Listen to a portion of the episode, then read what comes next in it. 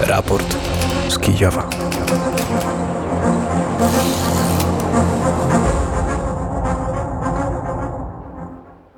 ...629 dzień rosyjskiej inwazji na Ukrainę, inwazji na pełną skalę. Wita się Paweł Bobułowicz, audycję realizuje Wojciech Piątek.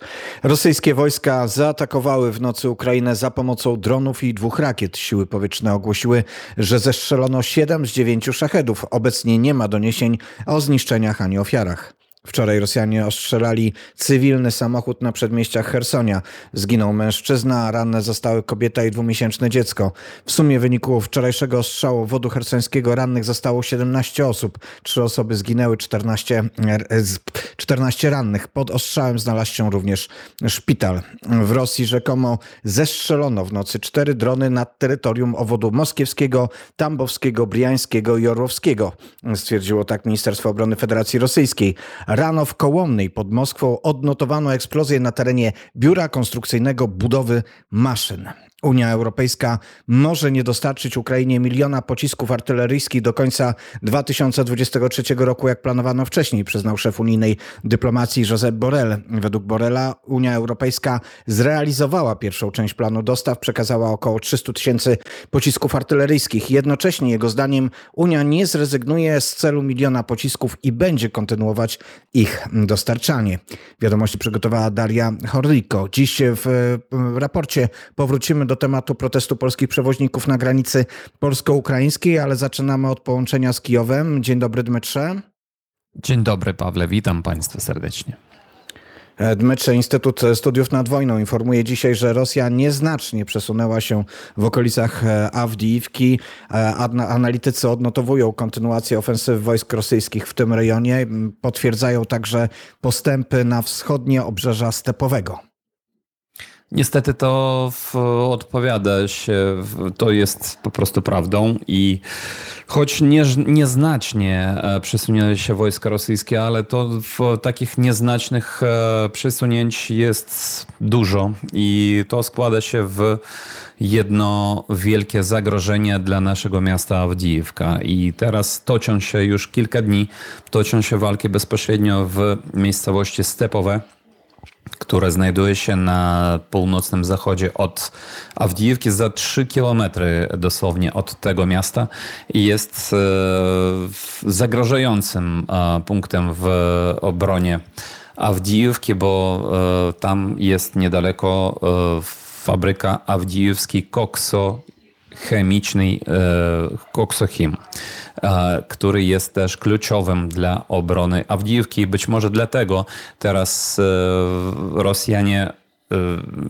koncentrują swoje uderzenia akurat na tym kierunku, bo, bo po prostu okupowawszy Koksochim można można już w, po prostu też atakować bardzo Awdijówkę i to byłoby dla nas też poważnym, potężnym ciosem dla obrońców Awdijówki. Ale wczoraj zarówno jak Walerii Zalużnej, dowódca Sił Zbrojnych Ukrainy, tak i prezydent Ukrainy Wolodymyr Zelenski powiedzieli, że oprócz Awdijówki my mamy jeszcze co najmniej dwa kierunki, dwa punkty w linii frontu, która ma ponad tysiąc kilometrów, gdzie wróg nieustannie atakuje. To jest Marinka, miasto, które już przestało dawno niestety istnieć wobec tych ostrzałów rosyjskich. Marinka jest kontrolowana gdzieś 15% tego miasta jest nadal kontrolowane przez wojska ukraińskie, ale wróg idzie codziennie próbuje iść dalej. Tam nie, nie widać, żeby Rosjanie mieli jakiekolwiek postępy. I kupiański, kupiański kierunek, gdzie u wroga sporadycznie bywają jakieś postępy, ale tam sytuacja też jest dynamiczna. Bywa, bywa tak, że po prostu my wycofujemy się na jakieś parę kilometrów, a dalej te parę kilometrów zostają znów odbici, odbite.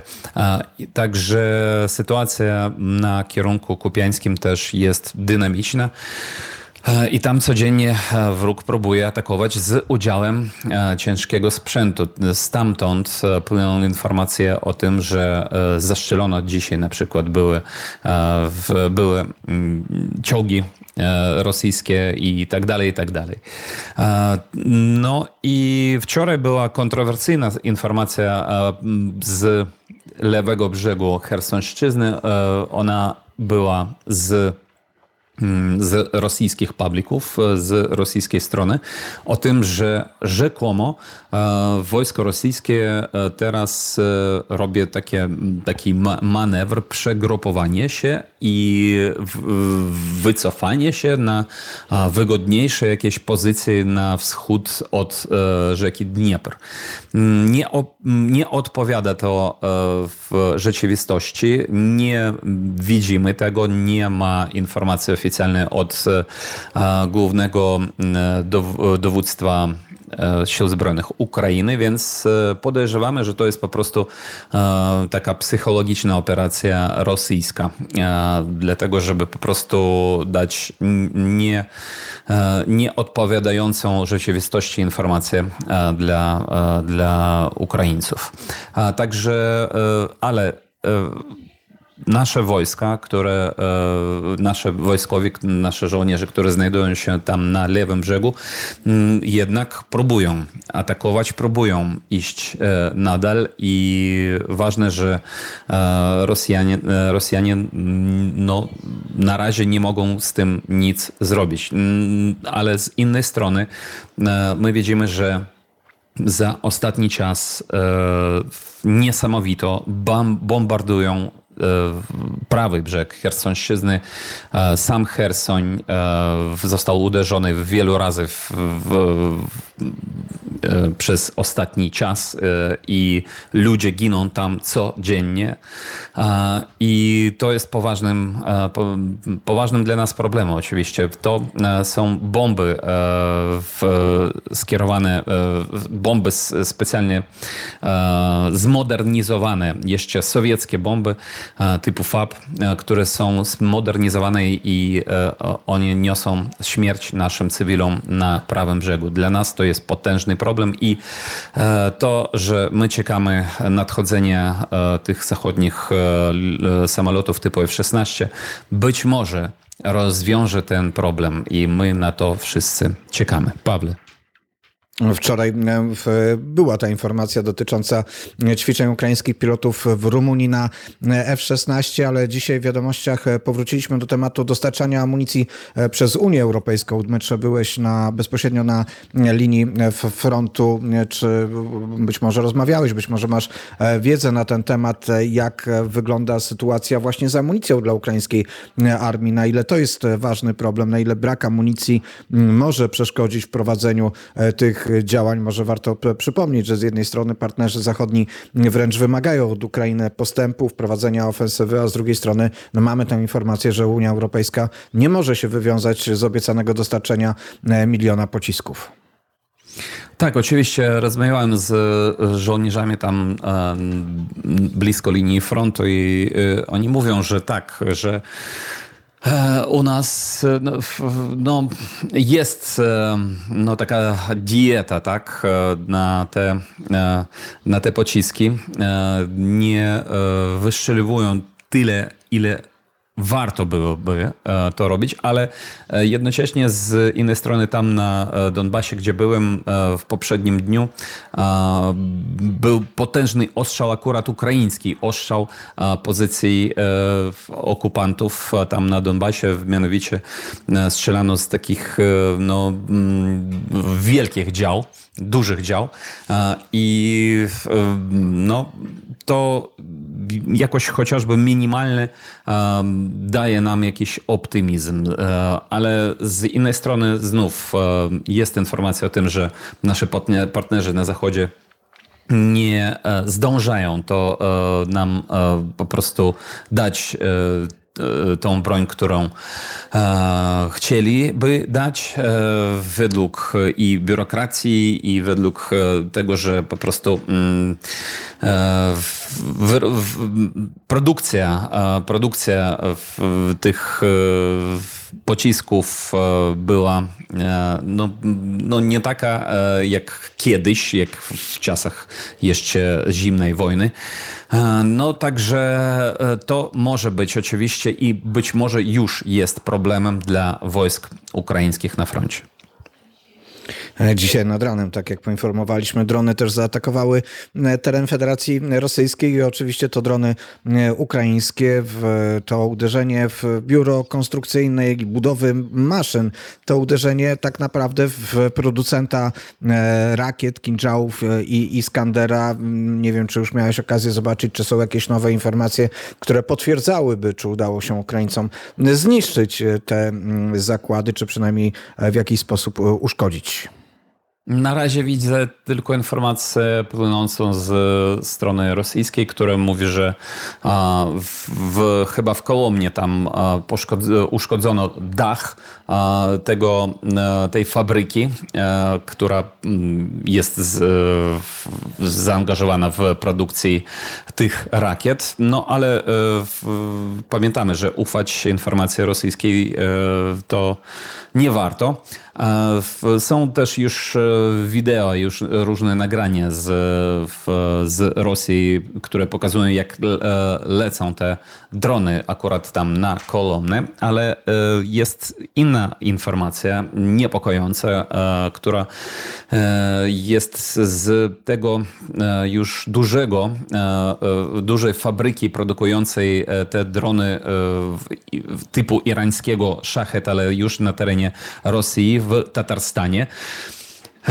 To jest daleko mm, e, od zasięgu e, naszych dronów, chociaż być może już e, są takie drony w produkcji, które by mm, jednak sięgnęli tej fabryki, która produkuje te drony typu szachet, bo my widzimy, ja już, ja już po prostu nie pamiętam, kiedy była taka noc, kiedy Ukraina nie była atakowana tymi e, dronami. Czyli w, Rosja produkuje e, masowo te drony i e, Widać, e, też o tym mówią wywiady naszych zachodnich partnerów, że ta fabryka w Tatarstanie jest e, no, po prostu rozbudowywana, więc mm, możemy e, przypuścić, że nadal tych dronów będzie, będzie jeszcze więcej, niestety.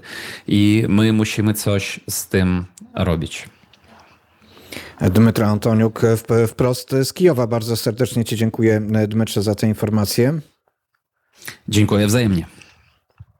Przenosimy się do Lwowa, gdzie jest Artur Żak. Dzień dobry, Arturze. Dzień dobry, Pawle, kłaniam się nisko. Dmytro wspomniał o kolejnej nocy, kiedy e, szachedy, drony e, wcześniej irańskie, teraz już prawdopodobnie nawet e, produkcji rosyjskiej zaatakowały Ukrainę. Informacje są takie, że te drony leciały na zachodnią Ukrainę.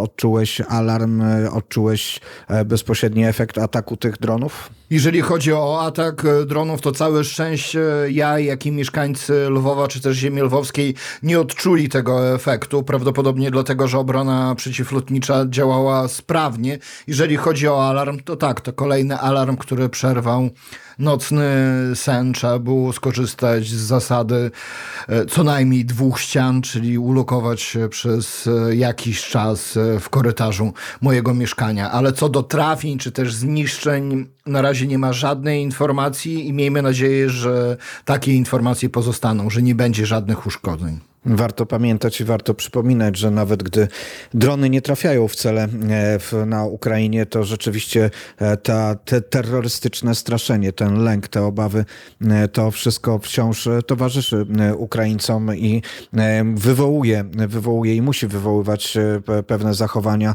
Kolejna nieprzespana noc. Arturze, ale pomimo oczywiście tych strasznych wydarzeń, śledzisz też wydarzenia dotyczące przestrzeni polsko-ukraińskiej Będziemy dzisiaj rozmawiali o granicy, ale do tego tematu e, przejdziemy za chwilę, ale obserwowałeś też reakcje na to, co w Polsce się wydarzyło, na zmiany mm, polityczne w Polsce, na w ukonstytuowanie się e, Sejmu nowej kadencji, na wybór e, nowego marszałka. Czy są w ogóle reakcje? Czy Ukraina się tym interesuje? Jeżeli chodzi o reakcje ekspertów, to te reakcje są dosyć skąpe, tak bym to określił. Oczywiście fakt zmiany został odnotowany.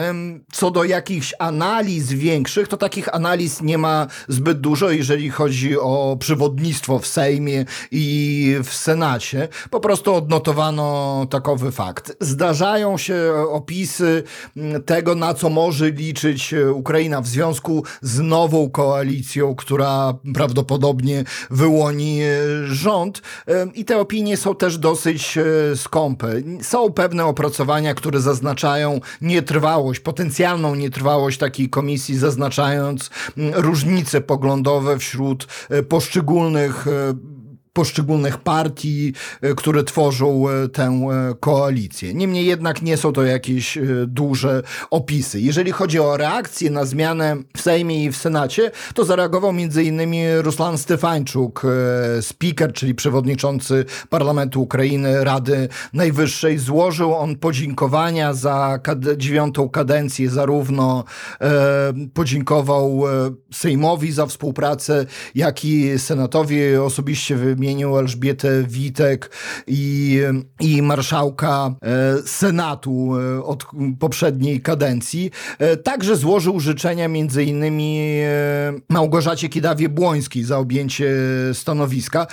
Dziwnym przeoczeniem, bo nie znalazłem na jego Twitterze życzeń dla nowego, czy też nowych marszałków Sejmu. Ale możliwe, że to jest przeoczenie ze strony Ruslana Stefańczuka. Więc tak wyglądały reakcje na zmiany w polskiej polityce. Na pewno teraz ukraińską stronę czeka też e, proces podejmowania czy, czy nawiązywania e, kontaktów na szczeblu parlamentarnym. W poprzednich kadencjach e, zawsze te relacje były dosyć ścisłe, nawet wtedy, gdy mm, dochodziło do wielu nieporozumień. A w ostatnich latach szczególnie istotne i ważne była współpraca na szczeblu parlamentarnym, też między innymi w formacie Trójkąta Lubelskiego. Przypomnę, że w takim formacie swego czasu Stefańczuk jeszcze jako wiceprzewodniczący Rady Najwyższej Najwyższej udał się e, w, wicemarszałkiem e, w, w poprzedniej kadencji Sejmu Małgorzatą Gosiewską na Donbas i ostrzegali o możliwej rosyjskiej inwazji, która niestety stała się w końcu mm, faktem. Także ta współpraca parlamentarna była i zapewne teraz będzie kontynuowana. Arturze, czas na piosenkę. A piosenka, piosenka wyjątkowa, piosenka w stylu country, śpiewa e, Sasza Ból. Sasza Ból to jest jednocześnie jeden z najbardziej uznanych muzyków ukraińskiej sceny country, ale od początku pełnowymiarowej wojny Sasza Ból jest na froncie i jego utwór z śmiercią pід Raport z Kijowa.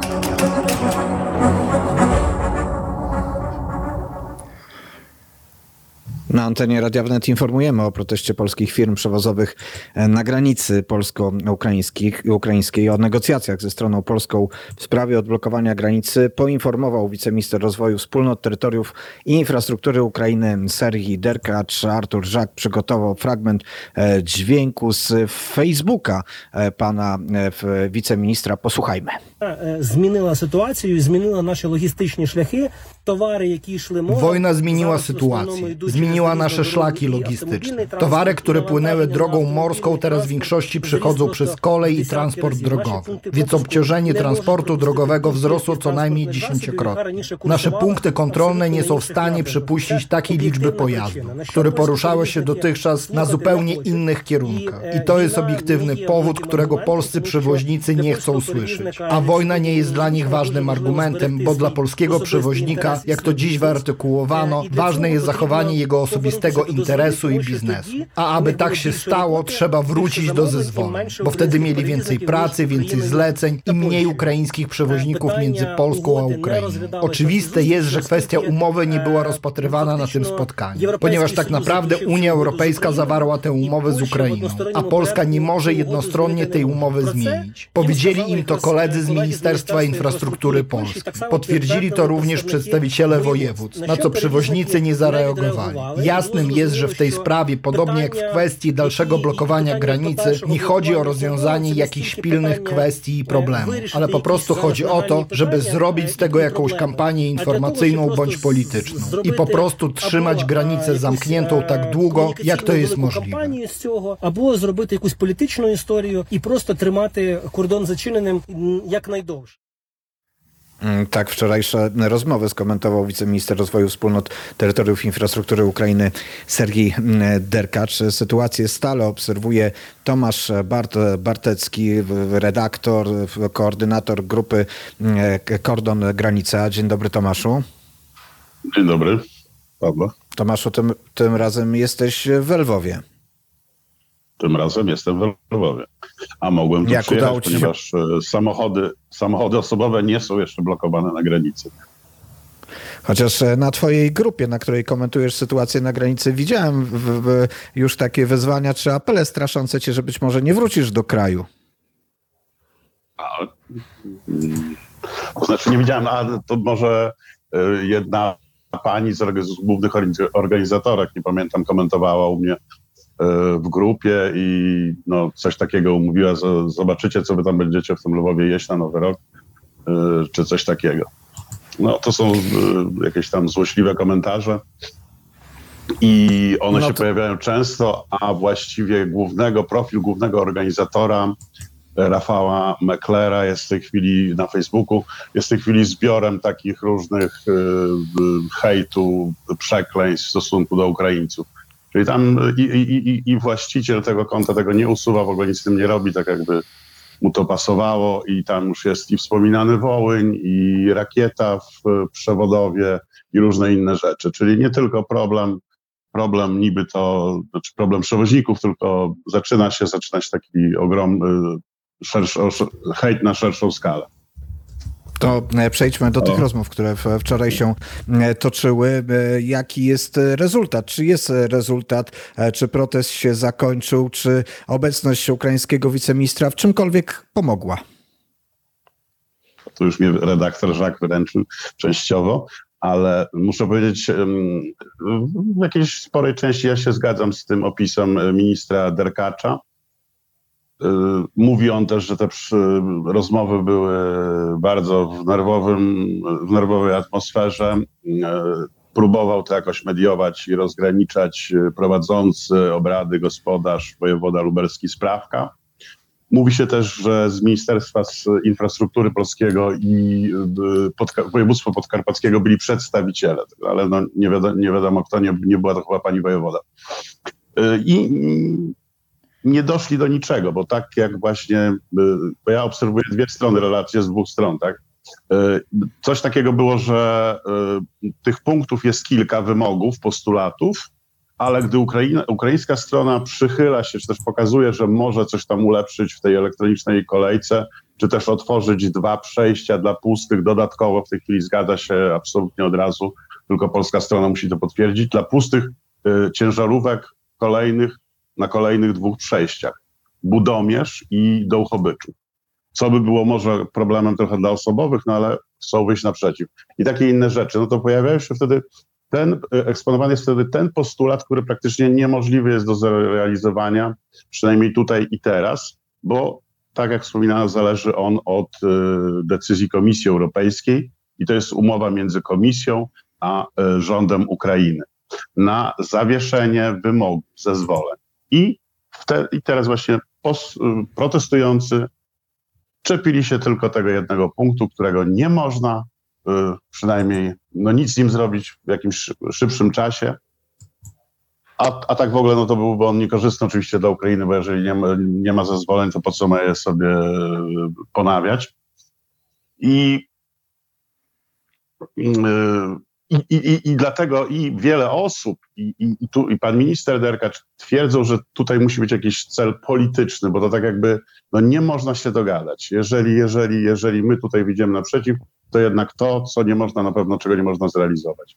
I y, wiele osób twierdzi, że w tym chodzi wszystkim o jak, y, jak najbardziej, jak najdłużej, aby wydłużyć ten proces w czasie, no, co szkodzi, co szkodzi polsko-ukraińskim stosunkom, a szczególnie współpracy gospodarczej, bo już się coraz częściej pojawiają takie y, filmiki w sieci, wypowiedzi właśnie przedsiębiorców z Hełma, którzy stoją już tydzień, agencji celnych, które nic nie odprawiają i gdzieś tam ich dostawcy z Polski, z centralnej, którzy produkują specjalnie jakieś tam urządzenia do pomp, do hydraulicznych, do innych rzeczy, no też nie wiedzą, czy, czy, czy produkować, czy wysyłać tutaj do Hełma, żeby to dalej jechało na Ukrainę.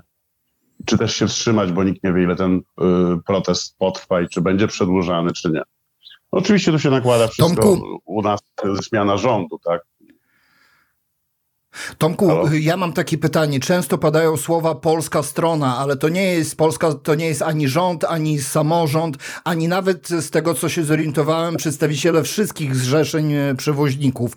Kto konkretnie protestuje? Czy to ogólny protest przewoźników polskich, czy tylko jakichś konkretnych, e, konkretnych zrzeszeń? Absolutnie, absolutnie. To jest bardzo mała grupa i przeważnie, nie wiem, czy tam nie potrafię procentowo, ale może 80% to są przedsiębiorcy z Łukowa, którzy wcześniej skupiali się na e, kierunkach e, rosyjskich i, yy, i białoruskich i na ich grupach, e, jeżeli tam się wymieniają, no słuchaj, już nie powróci 3000 euro za kurs Warszawa-Rześć bo to, to, to jest bardzo wysoka stawka i wtedy zarabiali duże pieniądze. Tak jak e, jeden e, ze strajkujących, pan Jan e, firmy X właśnie z Łukowa, który zablokował i e, nagrał takie, nagrał takie wideo też, stoi na Korczowej z synem i tylko jest dwóch protestujących, czyli w sumie jest ich czterech tam. Stoi i blokuje przejście w Korczowej, ale w tym czasie wysyła swoje samochody. M, Ukraińcy twierdzą kierowcy, którzy, którzy tam stoją bez, że bez kolejki. A jeszcze co ciekawsze, I, to i, Tomaszu, do tego jechać na- tematu na będzie, będziemy musieli powrócić już w następnych naszych e, połączeniach z tobą. Z tobą. Tomasz Bart Bartecki, koordynator, redaktor grupy e, Kordon Granica był Państwa i naszym gościem. E, Niestety czas jest e, nieubłakany. Raport z Kijowa się kończy. Żegna się Paweł Bobołowicz, a już za chwilę e, wiadomości. Do usłyszenia. Raport z Kijowa.